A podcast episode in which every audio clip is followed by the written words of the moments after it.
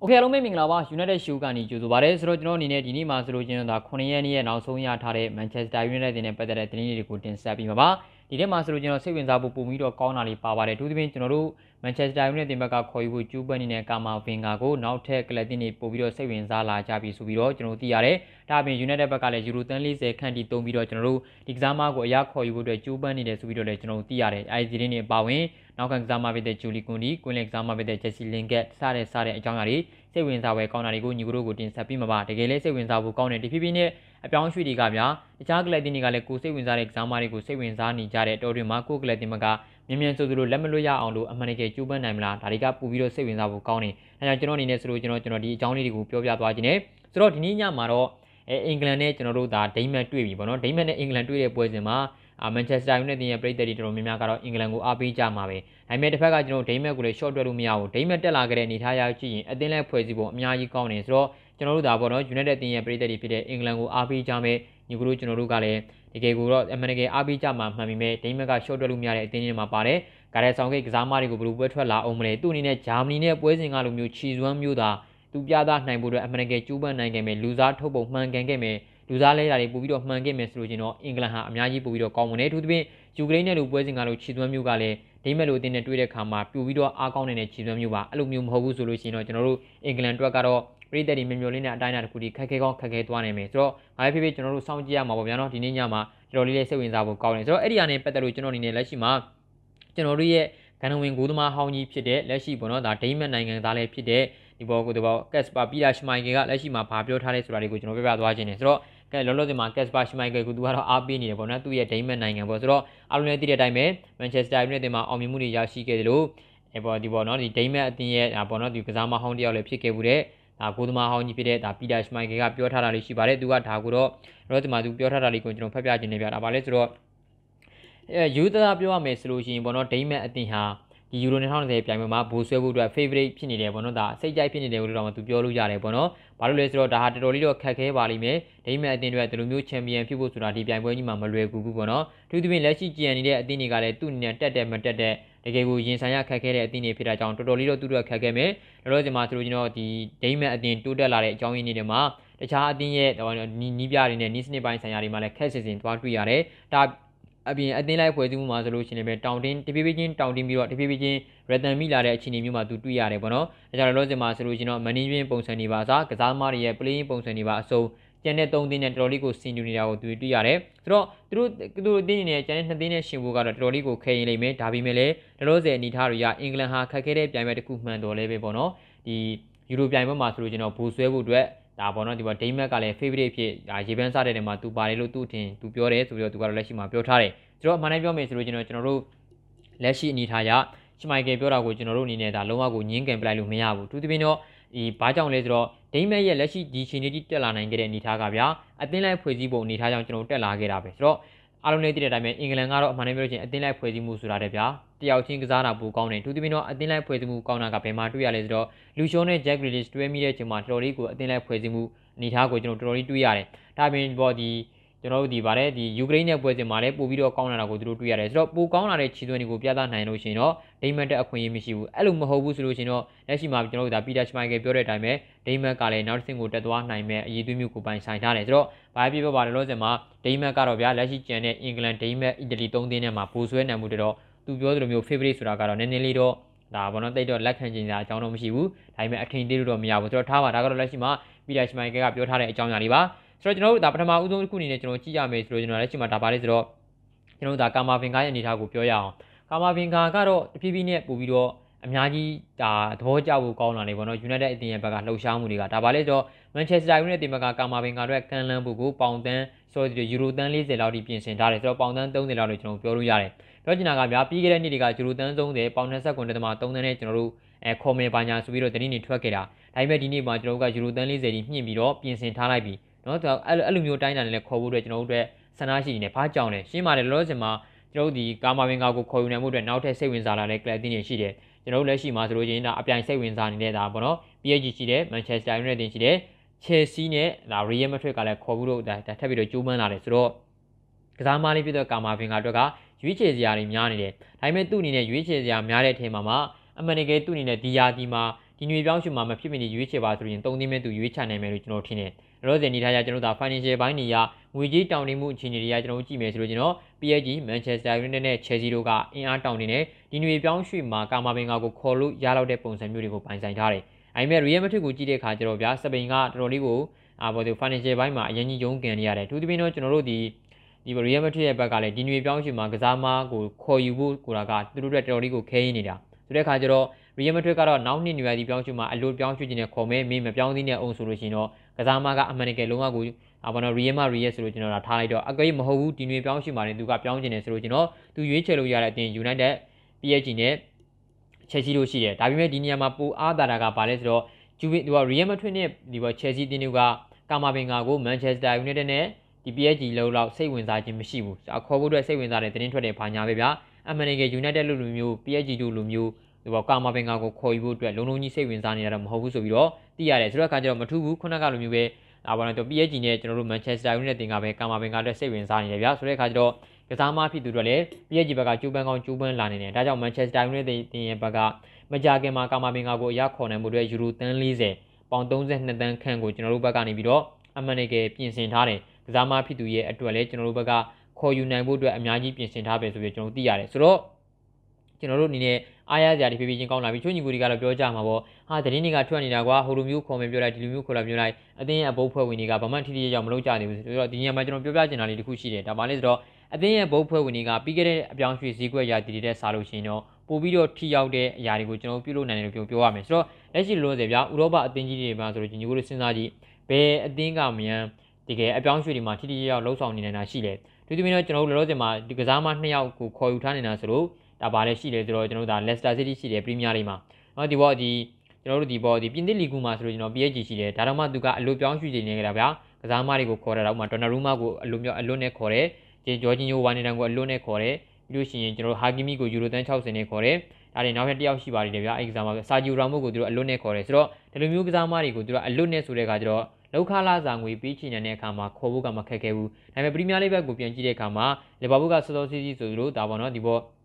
ကိုနေကိုခေါ်ယူထားတယ်ဆိုတော့အဲ့ဒီຢာကလွဲလို့ရှိရင်ပရီးမီးယားလိမှာကအပြောင်းရွှေ့တွေမှာကျွန်တော်တို့အားရကျင်းတဲ့ဖွယ်ရဘယ်တင်းကလုံးဆောင်ထားနိုင်သေးလဲတကယ်တော့ကုတ်ကလပ်တင်းကဒီຫນွေပြောင်းရွှေ့မှာအာနည်းနည်းလေးပူကောင်းလာတယ်လို့ပြောရင်ကျွန်တော်မမှားဘူးသူတပင်းတော့ကျွန်တော်တို့ဆန်ဂျိုကိုခေါ်ယူပြီးတာနဲ့ဘာတိုင်းရဲ့အပြောင်းရွှေ့ကာမာဗင်ဂါရဲ့အပြောင်းရွှေ့တွေကအများကြီးပို့ပြီးတော့ထိရောက်အောင်ဆွမ်းဆောင်ထားနေတယ်ကစားမတရားကိုကျွန်တော်တို့ကခက်မြင်မြန်အပြောင်းရွှေ့မှာအပြည့်တက်ပြီးတော့ခေါ်ယူဖို့ဆိုတာကမလွယ်ဘူးပြတကယ်တော့ဒါပေမဲ့လေသူတို့ကတော့စင်မှာပြင်ဆင်ထားမှုတွေရှိနေတယ် တန်150အတရင်သုံးဆွဲခွင့်ရတဲ့ဒီຫນွေပြောင်းရှိမှာเนาะဆန်ချိုတို့က83နဲ့3တန်သုံးဆွဲပြီးသွားပြီဆိုတော့နောက်ထပ်တန်80ဝန်းကျင်ခန်းဒီပါကိုဘာတန်းနဲ့ဒီကစားမလေးပြည့်တဲ့ကာမာဘင်ကနှစ်ယောက်တည်းသုံးသွားမယ်ဆိုတာကလည်းဖြစ်နိုင်ကြီးအများကြီးရှိတဲ့ကျွန်တော်တို့အနေထားတွေပဲဆိုတော့ဘာပဲဖြစ်ဖြစ် United ဘက်ကဒီလိုစင်မှာ Chelsea, Real Madrid, PSG နဲ့ Manchester United တင်လို့ပေါ့နော်ဒီ၄သင်းစလုံးကခေါ်ယူဖို့စိတ်ဝင်စားနေတဲ့ကာမာဘင်ကကိုပေါ့နော်လောဆယ်အနေထားမှာ United အသင်းဘက်ကပဲ favorite ဖြစ်နေတယ် ခုနကပြောသလိုပဲ Chelsea နဲ့ Real Madrid ကခေါ်တာခေါ်ယူနေတာဗျာစိတ်ဝင်စားတယ်ဆိုတဲ့အဆင့်လောက်ပဲရှိတယ် PSG ကလည်းခေါ်တာခေါ်ယူနေတာသူတို့ကလပ်ဒီမှာ Jorginho Wijnaldum တို့လိုကစားမမျိုးတွေရောက်ရှိလာပြီဆိုတဲ့အခါကျတော့ကာမာဘင်ကအတွက်ကတိတ်တော့အများကြီးလှုပ်ရှားတာမျိုးတော့မရှိသေးဘူးဆိုတော့ favorite ဒီ United တင်ပဲ United တင်ဘက်ကယူရိုတန်း40အမှန်တကယ်လည်းပေးချပြီးတော့ခေါ်ယူဖို့အတွက်သူတို့တွေပြင်ဆင်ထားမှုတွေရှိနေတယ်ဆိုတဲ့အခါကျတော့တီးကြပါတယ်ကျွန်တော်တို့ကာမာဘင်ကာကိုခေါ်ယူဖို့ကလည်း Manchester United တင်ဘက်ကပဲအခွင့်အရေးတွေများနေတာဆိုတော့လာမယ့်နေ့ဒီမှာကစားပြီးခဲ့တဲ့နေ့တွေကလည်းဗျာ ကစားမဖြစ်သူရဲ့ဒီပေါ်နေဒီကုစားပြုနေဒီကိုစလဲဒီအေဂျင့်ဖြစ်သူတွေနဲ့တွေ့ဆုံဆွေးနွေးမှုတွေပြုလုပ်ခဲ့တယ်ဆိုတော့ဘယ်လောက်ထိတောင်မှကျွန်တော်တို့ထိရောက်အောင်လှုပ်ထားနိုင်တယ်ကျွန်တော်သိမှာပါဆိုတော့ပြောချင်တာကကျွန်တော်တို့ဘက်ကအမှန်တကယ်လောလောဆယ်မှာတရားဝင်ကန့်လန့်တာတွေဘာတွေမရှိသေးဘူးဆိုပေမဲ့ဘိုးဖွဲ့ဝင်တွေဒါအပြောင်းရွှေ့တာဝန်ရှိသူတွေဒါအထူးသဖြင့်တော့ဒါအားကစားဒိုင်တာဖြစ်တဲ့ဒီပေါ်နဲ့ဒီပေါ်ဒီတာဝန်ရှိသူတွေကတော့လောလောဆယ်မှာဒီဂျွန်မာတော့တို့ဘာလို့ကတော့လောလောဆယ်မှာလှုပ်ဆောင်တင်တာတွေကိုလုပ်နေတယ်တော်တော်လေးတည်းကျွန်တော်တို့ဒါစိတ်ရှိမှရမယ်ဆန်ချူရဲ့အပြောင်းရွှေ့တော့မှနှစ်နှစ်လောက်ကြာလာကျွန်တော်တို့ဒါဘာတန်းအတွက်ကတော့ ဒီနွေပြောင်းရွှေ့မှနဲ့ခေါ်ယူကောင်းခေါ်ယူနိုင်မှာပါကာမာဗင်ကလည်းရာကောင်းရလာနေတဲ့ Declan Rice ကတော့မတိကြတဲ့ပုံစံမျိုးမှာဖြစ်သွားပြီဆိုတဲ့အနေအထားမျိုးမှာအဲ့ဒီနှစ်ယောက်ကိုခေါ်ယူနိုင်ခဲ့ရဆိုလို့ကျွန်တော်ဒါပါဒီတော့ Declan Rice တက်ကလည်းနည်းနည်းလေးကျွန်တော်စောင့်ကြည့်ရမယ်ဆိုတော့ပြောချင်တာကလောလောဆယ်အနေထားအရကျွန်တော်တို့ Manchester United တင်တာဝန်ရှိသူတွေကယူရိုတန်း40ခန်းနဲ့ကာမာဗင်ကာကိုခေါ်ယူဖို့အတွက်ကြိုးပမ်းနေတယ်ရာဖာယယ်ဘာနဲ့နဲ့ကာမာဗင်ကာနှစ်ယောက်ပေါင်းကိုနောက်ထပ်ဒါဘောနော်တန်း80 80ခန်းဒီယူရိုတန်း80 80ခန်းဒီကုန်ကျသွားဖို့လည်းစီစဉ်ထားတယ်ဆိုတဲ့ခါကျတော့ ယူရိုတန်း80လောက်သုံးပြီးတော့ကစားမနှစ်ယောက်လုံးကိုခေါ်ဖို့အတွက်ပြင်ဆင်ထားတယ်ဆိုတဲ့အနေအထားမျိုးတွေမှာကျွန်တော်တို့ United တင်ရဲ့အပြောင်းရွှေ့လှုပ်ရှားမှုတွေမှာတော်တော်လေးတော့စိတ်ဝင်စားဖို့ကောင်းနေတယ်ဆိုတော့ကျွန်တော်တို့စောင့်ကြည့်ရမယ်ဒါဒီကတော့လောစင်မှာဒါအာဒီဒီကစားမဖြစ်တဲ့ကာမာဖင်ဂါနဲ့ပတ်သက်လို့ဒါပေါ့နော်ဒါသတင်းလေးပါဆိုတော့နောက်တစ်ခုကိုကျွန်တော်တို့ကြည့်ရမယ်ဆိုလို့ရှိရင်တော့အာနောက်ထပ်ဒါစိတ်ဝင်စားဖို့ကောင်းတဲ့အကြောင်းအရာတစ်ခုလို့ပြောရမယ်ဒါပေမဲ့ကလပ်တင်းတွေတော့အများကြီးစိတ်ဝင်စားဖို့မကောင်းပါဘူးဒါပါလဲဆိုတော့ဒါ Manchester United ရဲ့ writer တယောက်ဖြစ်တဲ့ Joe Bray ကရေးထားတဲ့နောက်ကတော့ La Colina di Niro ဆိုတဲ့သတင်းကနေပြီးတော့သူပြန်လည်ဖော်ပြထားတာဒါပါလဲဆိုတော့ Manchester United တင်ဘကဘာဒန်ကိုသာရအောင်ခေါ်နိုင်ဖို့အတွက်နောက်ဆုံးသူတို့ကျူးပန်းလို့လုံးဝကိုမရခဲ့ဘူးဆိုလို့ရှိရင်အစားထိုးအနေနဲ့သူတို့ဂျူလီကွန်ဒီကိုအားလုံးနဲ့ပြစ်မှတ်ထားနေတာသိတယ်ပေါ့နော်ဒါပေမဲ့လောလောဆယ်မှာဂျူဗီနယ်တင်းရဲ့အုပ်ဒီပေါ်ဒီပေါ်အားကစားဒိုင်တာအစ်စ်ပြောင်းလာခဲ့တဲ့သူကလောလောဆယ်မှာဆိုလို့ရှိရင်ဒါစပါးတင်းမှာလှုပ်ဆောင်နေတယ်အဲ့ဒီစပါးတင်းရဲ့တာဝန်ရှိသူကဗာပြောထားတယ်ဆိုတော့ United စိတ်ဝင်စားနေတဲ့ဂျူလီကွန်ဒီကိုအရာခေါ်ယူသွားဖို့အတွက်သူတို့ပြင်ဆင်ထားတယ်လို့ဆိုထားတယ်သူရောက်ရှိလာပြီးတဲ့နောက်မှာစပါးအသင်းကိုသူတို့က Harry Kane ကိုလည်းရအောင်ထိန်းနေတယ် ဒါပြင်ဥရောဘောအောင်မြင်မှုတွေကိုလည်းစပါးအသင်းကိုရအောင်ဆွမ်းဆောင်ပေးသွားခြင်းလို့သူပြောထားခဲ့တာကြောင့်အကောင်အကောင်ဆုံးကစားမတွေကိုကလပ်တင်မှာဆက်ထိန်မယ်ဒါအပြင်အည်သွေးမြင့်တဲ့ကစားမတွေကိုလည်းကလပ်တင်မှာဆက်လက်ပြီးတော့ခေါ်ယူပေးမှုတွေပြုလုပ်သွားမယ်ဆိုတဲ့အခါကျတော့စပါးဟာလာမယ့်ရာသီမှာအများကြီးပြင်ဆင်မှုတွေအတွက်ကြံရွယ်နေတာကျွန်တော်တို့ဒါတိတိကျကျပဲဆိုတဲ့အခါကျတော့အမှန်တကယ်တကယ်မန်ချက်စတာယူနိုက်တက်ဘက်ကပြစ်မှတ်ထားနေတဲ့ဒီဘောစီဗီလာတင်းရဲ့နောက်ခံကစားမှာပြည်သူဂျူလီကိုနီကိုလည်းခေါ်ယူဖို့အတွက်အင်မတန်ကိုစိတ်ဝင်စားလာတယ်ဆိုပြီးတော့ကျွန်တော်သိရတယ်ဆိုတော့ပြောင်းရွှေ့ကြီးကတော့အနည်းဆုံးပေါင်သန်း90တော့တွားလိုက်မယ် ပြီးခဲ့တဲ့နှစ်တွေကထိတော့ဂျူလီကွန်ဒီတို့ရဲ့ဒီဆူလီပစီဗီလာကယူရိုတန်း80 80လောက်ထိတက်မှန်ထားတယ်နောက်ပိုင်းကျမှတဖြည်းဖြည်းချင်းသူတို့ဒါကစားမကိုတလောက်ထိမရနိုင်ခဲ့ဘူးဆိုတာသိလို့ဒီလိုတဖြည်းဖြည်းချင်းလျှော့သွားတယ်ဒါပေမဲ့သူတို့ဘက်ကတော့ပေါင်တန်း80ယူရိုတန်း90လောက်ထိသူတို့လိုချင်နေတော့မယ်ဆိုတော့အခါကျတော့စပါအသင်းပဲဖြစ်ဖြစ်မန်ချက်စတာယူနိုက်တက်အသင်းပဲဖြစ်ဖြစ်ကစားမဖြစ်တဲ့ဂျူလီကွန်ဒီကိုခေါ်ယူနိုင်မှုကတော်တော်လေးကိုခက်ခဲဦးမှာသူဒီပင်ကစားမအတွက်ပြောင်းရွှေ့ခြင်းမှာပေးရတဲ့ငွေကြေးကတော်တော်လေးကိုများတယ်စီဗီလာဘက်ကလည်းလူချင်းတဲ့စင်နူကတော်တော်လေးကိုများနေတယ်ဆိုတဲ့အနေအထားမျိုးဒီမှာ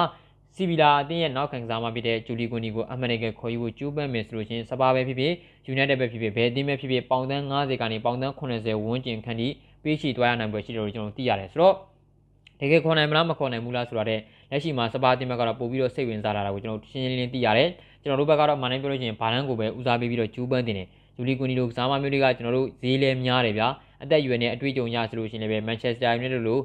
ပရီးမီးယားလိမှာခက်ခက်ခဲခဲရှင်ပြရမယ့်လိမှာ တကယ်ရောအောင်မြင်နိုင်ပါမလားတကယ်ရောခေါင်းကြီးနဲ့တွဲနိုင်ပါမလားဆိုတာကကျွန်တော်မသိကြဘူးဆိုတော့ဘာပဲဖြစ်ဖြစ်ပါလို့စင်မှာနော်ဂျူလီကွန်နီကိုအဲသူတို့ဒီအနေနဲ့ခွန်နိုင်တာမခွန်နိုင်ကနောက်ထားကျွန်တော်တို့ဘက်ကအမနေကဘာတန်းကိုရအောင်ခွန်နိုင်မှုပဲအရေးကြီးတယ်ဆိုတော့စောင့်ကြည့်ရမယ်တကယ်ခွန်နိုင်မလားဆိုတော့ဆိုတော့စပါးတင်းကဗျာဒီလောက်ကုတ်စည်းတဲ့ဒီအတင်းဟိုဟာဘာပိုင်ရှင်ကိုပိုင်ထားတာဘယ်ခေါ်ယူပေးနိုင်မှာလဲပြောချင်တာကသူတို့အနေနဲ့ ဒီဘယ်လိုအာဆင်နယ်ကဘယ်လိုဘယ်လိုပြောမလဲဒီကိုသမလီနိုတော့ခေါ်ယူနိုင်မှာမဟုတ်ဘူးလောလောဆယ်နေတာရပတ်စံမရှိဘူးလားဆိုတော့ရှိတယ်ပြောချင်တာကဘာကြောင့်လဲဆိုတော့စပါးကသူတို့ကွင်းတကြီးစောက်ထားကြတာ1ဘီလီယံကုန်ထားတယ်ဒါအပြင်ကိုဗစ်အတော်ဒီမှာစပါးအသင်းရဲ့ဒီပေါ်ငွေကြေးလက်ပတ်မှုစီစဉ်မှုတွေကအများကြီးဝင်ငွေတွေရော့ထားတယ်ပြောချင်တဲ့သဘောတရားကသူတို့စပါးအသင်းမှာဝင်ငွေတွေအများကြီးမရှိဘူးဟယ်ရီကိန်းကိုရောင်းလိုက်လို့ရှိရင်ပြန်လေတောင်တင်းမှာမှန်ပြီးမဲ့ကိန်းကိုလုံးဝမရောင်းဘူးဆိုပြီးတော့ပြောထားတယ်ဆိုတော့သူတို့အနေနဲ့ကစားမခေါ်ယူဖို့အတွက် ဂျူလီကွန်နီလိုနောက်ခံကစားမတယောက်တဲ့တန်း80တန်း90လောက်ဒီညီကိုလိုသုံးမယ်ထင်လားဝမ်ဝေးလာဝေးသည်နော်ဆိုတော့ပြောချင်တာက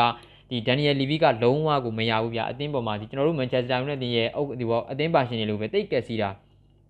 အသင်းအောင်မြင်မှုဆိုတာတဲ့သူတို့ရဲ့ဒီစီးပွားရေးတွေကိုပဲအဓိကပေါ့နော်ဦးစားပေးမှုတွေရှိတယ်ဆိုတဲ့အခါကျတော့အသင်းပါရှင်တွေတော်များများကရော်ရီကက်စီတယ်ဆိုတော့ပြောချင်တာကစပါအသင်းဟာတကယ်ကိုသူတို့အနေနဲ့လောဆယ်မှာ ဒီကိုသမားလီနိုကိုပြစ်မှတ်ထားတာပဲကောင်းပါလေဗျာနော်ဒီဂျူလီကွန်နီကိုခေါ်မှလည်းခေါ်နိုင်မှလည်းမဟုတ်ဘူးဆိုတော့ပတ်စံတော့ပေးလို့ရတယ်ဒါပေမဲ့အကျွေးတင်သွားမှပဲရှိတယ်ပြောချင်တဲ့ကတော့တရားကဆိုတော့ခေါ်နိုင်မလားမခေါ်နိုင်ဘူးလားဒါတော့သူတို့ဘိုင်းကိုကလတင်ရဲ့ဘက်ကလက်ရှိမှာကျွန်တော်တို့ဒီမဖြစ်မနေကိုဗာဒန်ကိုပဲဦးစားပေးပြီးကျူးပန်းတင်နေဆိုတော့ထားပါဒါကတော့လောစင်မှာဒါကတော့ဒါဖာရဲ့ဗာဒန်အဲနောက်ထပ်ကျွန်တော်တို့ဆက်လက်ကြည့်ရမယ်ဆိုလို့ရှိရင်တော့လက်ရှိမှာဒါဒါတော့ကျွန်တော်တို့ပြည်သက်တွေတော်များများလေးဒါဘောနော်ဒါတတိမထားမိကောင်းတယ်တတိမထားမိကြဘူးနေမယ်ဒါပါလေဆိုတော့ဖရက်ကွင်းလင်ကစားမဖြစ်တဲ့ဖရက်ကတကယ်ကိုကျွန်တော်ကိုလိုကိုပါအမေရိကဖိုင်နယ်ကိုတက်သွားပြီနော် နောက်ပိုင်းသူဒီဘောကိုဘရာဇီးတင်းရဲ့အဲ့ဒီကိုပါအမေရိကမှာတောက်လျှောက်သလိုပြိုင်ပွဲဝင်ကစားတဲ့ပွဲစဉ်တွေမှာအမဲပွဲထုတ်ခွင့်ရတယ်ဗျာပွဲကစားခွင့်တွေကလည်းအကြာကြီးပဲမိနစ်85မိနစ်မှာလူသားလဲလဲတာတို့ဘာလို့ဒီလိုမျိုးတွေဒါပြင်ကက်ဆမယ်ရီရဲ့ဘေးမှာတော်တော်လေးကိုသူ့ရဲ့စန်စန်ဒရာမီဖီမာကခြေသွမ်းပြနေတယ်ပြောချင်တာကကစားမကအဲဘောနော်ဟာဟူဟောဟူဟောဆိုပြီးတော့ချီးကျူးရလောက်လောက်ဒီကောင်းတဲ့ခြေသွမ်းတော့ပြတာတော့မဟုတ်ဘူးဒါပေမဲ့ United မှာတည်းပို့ပြီးတော့ကောင်းတဲ့ခြေသွမ်းမျိုးကိုသူပြသနေတယ်ပြောချင်တာကကက်ဆမယ်ရီရဲ့ဘေးမှာလွတ်လွတ်လပ်လပ်ကိုသူကစားရတယ် ရှက်တာဒူးနဲ့ကလိုမျိုးပုံစံမျိုးသူပြီးပြီးတော့ဒါပြန်လည်ပြသနိုင်မှုတွေသူအကောင်းဆုံးပုံစံမှာရှိနေတယ်နော်ဒီဘရာဇီးတင်းရဲ့တောက်လျှောက်ဒီပါမဆိုလို့ရှိရင်လည်းကျွန်တော်တို့ထူးထူးခြားခြားလုံးပြနေတာလေးမရှိဘူးဆိုပေမဲ့ United မှာတဲ့ကောင်းတဲ့ခြေသွမ်းမျိုးကိုကွင်းလင်မှာကယ်ဆယ်မဲရုနဲ့တွဲပြီးတော့ပြနေတာဆိုတော့ဖရက်အတွက်ကလည်းကျွန်တော်တို့ဒါချီချီဖို့ကျွန်တော်မေ့နေကြတယ်တူတူမင်းတော့ကျွန်တော်တို့ကယူရိုပြိုင်ပွဲတွေအတွက်ကနော်ဒီယူရိုယူရိုယူရိုဘက်မှာပဲကိုရီကတိတ်စိတ်ဝင်စားနေတယ်ဆိုတော့တောင်အမေရိကဘက်ကနည်းနည်းမေ့လို့ဖြစ်နေတာဗာပဲပြီးတော့ဖရက်က ကိုပါအမေရိကဖိုင်နယ်မှာတက်သွားပြီဆိုတော့ဘရာဇီးနဲ့အာဂျင်တီးနားပြည်မဲ့ပွဲမှာဖရက်ရဲ့ခြေစွမ်းကိုလည်းကျွန်တော်စောင့်ကြည့်ရမယ်နော်ဆိုတော့ပြောချင်တာကဖရက်ကလည်းတကယ်ကိုချီချီဖို့ထိုက်တန်တယ်ကိုကလည်းတင်မှာ defensive midfielder ဖြစ်ကစားနေတဲ့ကစားမကကက်ဆမီရိုရဲ့ဘေးရဲ့လျောက်ရောအမဲကောင်းလိုက်တာဆိုတာနော်ဆိုတော့ဘယ်ဘယ်ကစားမပဲဖြစ်ဖြစ် Fernandez ကလွဲလို့ရှိရင်နော်ဒီပေါ်ဒီဘယ်လိုလဲဆိုတော့ကလပ်တင်းမှာရုံးကန်ရတဲ့ကစားမတွေကနိုင်ငံတင်းမှာတော်တော်လေးကိုကောင်းနေဆိုတော့ဘာတွေဖြစ်နေကြလဲတော့ကျွန်တော်လည်းမသိဘူးပြောချင်တာက ဖရက်ကလည်းကျန်တဲ့ကစားမတွေနဲ့အတူကျွန်တော်တို့ဒါတန်းတူစောင့်ကြည့်ရမယ့်ကစားမဖြစ်တယ်သူတပင်းကျွန်တော်တို့နိုင်ငံတကာပြိုင်ပွဲတွေမှာအသက်ဆက်နေတယ်ဆိုတော့ဘယ်သူရှိလဲကျွန်တော်တို့ဒါဒီဂီယာကလည်းအာယူရို2020ပြိုင်ပွဲမှာ10မိနစ်မှမကစားဘဲနဲ့ထွက်ခွာလာခဲ့ရပြီဆိုတော့အဲအင်္ဂလန်မှာဆိုလို့ချင်းခေါင်းရင်းရှိမယ်ဂျီဒန်ဆန်ချူရှိမယ်ဆန်ချူကတော့အဲထားပါတော့เนาะဆိုတော့ဒီခေါင်းရင်းရှိမယ်ကျွန်တော်တို့ပြီးလို့ချင်းဒါလူချောရှိမယ်เนาะဒါဘရာဇီးမှာဆိုလို့ချင်းတော့ fresh ရှိမယ်ဆိုတော့ဒီကစားမတွေပဲကျွန်တော်မှာဆိုတော့ဒီကစားမတွေအင်္ဂလန်ကရော final တက်နိုင်မှာလား ဖရက်ကရောလောလောဆယ်ဖိုင်နယ်မှာပူဆွဲနိုင်မလားကျွန်တော်စောင့်ကြည့်မှာလည်းဖြစ်ပါတယ်ဆိုတော့ဒါကတော့ဖရက်ရဲ့အနေထားဖရက်ကတော်တော်လေးကိုအဆင်ပြေရတော့မယ်ဆိုတော့ထားပါဒါကတော့တခုနောက်ဆုံးတစ်ခုအနေနဲ့ကျွန်တော်တို့ဒါဆက်လက်ကြည့်ရမယ်ဆိုလို့ကျွန်တော်ဒါပါလဲဆိုတော့လက်ရှိမှာ Jesse Lingard ပါ Lingard ရဲ့အနေထားကပို့ပြီးတော့ရှုပ်ထွေးလာတယ်လို့လည်းပြောလို့ရတယ် Lingard ရဲ့အနေထားကပို့ပြီးတော့ပြည်သက်တွေသဘောကျလာစရာမရှိဘူးလို့ကျွန်တော်ပြောလို့ရပါဘယ်လိုလဲဆိုတာတော့ညီကိုပါဆုံးပြရတော့ကျွန်တော်ပြောပြမှာကဒါပါလဲဆိုတော့ ESPN ကပြောပြတယ် Lingard ကဒါကအရင်နေ့ကပြောပြထားပြီးသားဒါပါလဲဆိုတော့ Lingard ကဒီပေါ့နော်ဒီ Weston ကို ပြောင်းရွှေ့ကောင်းပြောင်းရွှေ့နိုင်မယ်ဒါပေမဲ့သူက Declan Rice ကို United ကခေါ်ဖို့အတွက်ဒေဇေတမအဖြစ်အသုံးပြုတာကိုလည်းသူမလိုချင်ဘူးလို့သူဆိုထားတယ်ဆိုတော့ဒီနေ့မှာ ESPN ကထပ်ပေါ်ထားတာကဘာလဲဆိုတော့ Lingard အနေနဲ့ Manchester United တင်မှာပုံမှန်ပွဲထုတ်ခွင့်ရဖို့ကဘာလို့မလွယ်ဘူးဆိုတာသူကိုယ်တိုင်သိပြီးတဲ့အခါမှာသူ့အနေနဲ့အသင်းပြောင်းဖို့စိတ်ဝင်စားနေတယ်ဒါပေမဲ့ဗျာသူ့လိုမျိုးရင်သွေးရှိတဲ့ကစားမတစ်ယောက်ကိုတခြားကစားမကိုခေါ်ချင်လို့အလိုက်ပြီးတယ်ဆိုတဲ့ပုံစံမျိုးနဲ့သူမသွားချင်ဘူးပြောချင်တာက ဝက်ဆန်တင်ကိုသူဆုံးဖြတ်ခိုင်းမယ်ဝက်ဆန်သူကိုလိုချင်ခေါ်ပါဆိုတဲ့ပုံစံမျိုးပေါ့နော်ပြောတော့ဆိုတော့ဒါကတော့ ESPN ကပြောပြတာဆိုတော့နည်းနည်းတော့စိတ်ဝင်စားဖို့ကောင်းနေဆိုတော့လင်ကပ်ပြောချင်တဲ့သဘောတရားကရှင်းပါတယ်ကစားမတရားကိုလိုက်ပြီးတဲ့ပုံစံမျိုးနဲ့အတင်းမပြောင်းချင်ဘူးဝက်ဆန်ဘက်ကတကယ်လိုချင်နေဆိုလို့ရှင်တော့သူကိုငွေကြေးပေးပြီးတော့ခေါ် United ဘက်ကဒီပေါ့နော်သဘောတူညီမှုချက်ရတယ်သူကမသွားချင်ဘူးသူကိုအမှန်တကယ်ဆိုလို့ရှင်တော့ဒါငွေသားပေးပြီးတော့ရောင်းချဆိုတဲ့ပုံစံမျိုးသွားချင်တာပြောချင်တော့ကစားမကဝက်ဆန်ကိုမပြောင်းချင်ဘူးလားဆိုတော့ဝက်ဆန်ကိုပြောင်းချင်တယ် အငယ်သူကဒီအလိုက်ပေးတဲ့ကစားမပုံစံမျိုးနဲ့ပဲမသွားချင်တဲ့ဆိုတဲ့အနေအထားမျိုးဒီမှာကလပ်တင်းနှစ်ခုရဲ့ကြားမှာဘယ်လိုမျိုးတွေဖြစ်လာမလဲစောင့်ကြည့်ရမယ်ဒါမှမဟုတ်ကျွန်တော်တို့ဘက်ကပဲ Declan Rice ကိုအရင်ခေါ်ပြီးတော့ဒီ Jesse Lingard ကိုရောင်းချပေးမှလားအဲအဲ့လိုမဟုတ်ဘူးဆိုလို့ကျွန်တော်ဒီ Lingard ကိုဒီဘော Western ကအရင်ခေါ်ပြီးတော့ Declan Rice ကို United ဒီဘော Western က United United အသင်းနဲ့ရောင်းချပေးမှလားအဲဒါမျိုးပေါ့နော်ဆိုတော့ဘယ်လိုမျိုးဖြစ်လာမလဲတော့ကျွန်တော်စောင့်ကြည့်ရမယ်လောလောဆယ်နေထားတွေက Lingard ကတော့အဲ့ဒီဒီအရာနဲ့ပတ်သက်ပြီးတော့သူရှင်းရှင်းလင်းလင်းပြောထားတယ်လုံးဝကိုတခြားကစားမတယောက်ကိုခေါ်နိုင်ဖို့အတွက် သူ့ကိုလိုက်ပေးတယ်ဆိုတဲ့ပုံစံမျိုးနဲ့သူတို့ကမသွားခြင်းဘူးဆိုပြီးတော့ကျွန်တော်သိရတယ်ဆိုတော့ဆက်လက်ဆောင်ကြည့်ရမယ်ဘာတွေဆက်ဖြစ်လာမလဲဆိုတာတော့လောလောဆယ်နေထားရရဆိုလို့ကျွန်တော်ဒါဟာ Jesse Lingard ရဲ့ဆန္ဒပဲဆိုပြီးတော့ဒါ ESPN ကဖော်ပြထားတယ်ညီပြပြတဲ့ Oligana ဆိုချာနဲ့ Jesse Lingard ရဲ့ဂျာမှာလက်ရှိအချိန်ကြီးကျွန်တော်တို့ဘာပြောဆိုမှုမှမရှိသေးဘူးဒါကစားမကလည်းရာသီကျိုးခြေစမ်းပွဲတွေမတိုင်ခင်မှာသူဆုံးဖြတ်သွားဖို့ရှိတယ်ညီပြပြတဲ့ Oligana ဆိုချာနဲ့ပြောဆိုသွားဖို့ရှိတယ်ဆိုတဲ့အနေအထားတွေရကြည့်ရင်ကျွန်တော်တို့ရဲ့ Jesse Lingard ရဲ့အနာဂတ်ကလည်း ဒါကျွန်တော်တို့စောင့်ကြည့်ကြင်စရာကောင်းတဲ့အနေအထားတွေမှာပါတယ်ဆိုတော့ညီကတို့ဘယ်လိုထင်လဲတကယ်ရော Jesse Lingard ကကျွန်တော်တို့အမှန်တကယ်ပေါ်ဒီပေါ်ဒီတခြားအသင်းကိုကျွန်တော်တို့တွေဒါရောင်းချမဲ့နေရာမျိုးတွေမှာတကယ်လက်လွတ်သားသိမိလားဒါမှမဟုတ် Manchester United တင်မှာပဲဆက်လက်ထားကြတာဒီပို့ပြီးတော့တင့်တော်မလားညီကတို့ဘယ်လိုထင်လဲကွန်မန့်လေးတွေမှာကိုရောက်မှချက်ပြီးသွားကြပါဆိုတော့ကြည့်ကြအားပေးကြတဲ့ညီကများအားလုံးကိုကျေးဇူးတင်ပါတယ်ဒါတွေကတော့ဒီနေ့မှာဆိုလို့ရှိရင်ဒါနောက်ဆုံးရထားတဲ့ Manchester United တင်နဲ့ပတ်သက်တဲ့သတင်းလေးတွေကိုတင်ဆက်ပေးကြတာပါဆိုတော့ကြည့်ကြအားပေးကြတဲ့ညီကများအားလုံးကိုကျေးဇူးတင်ပါတယ်ရေတော်ပုံအောင်ရမည်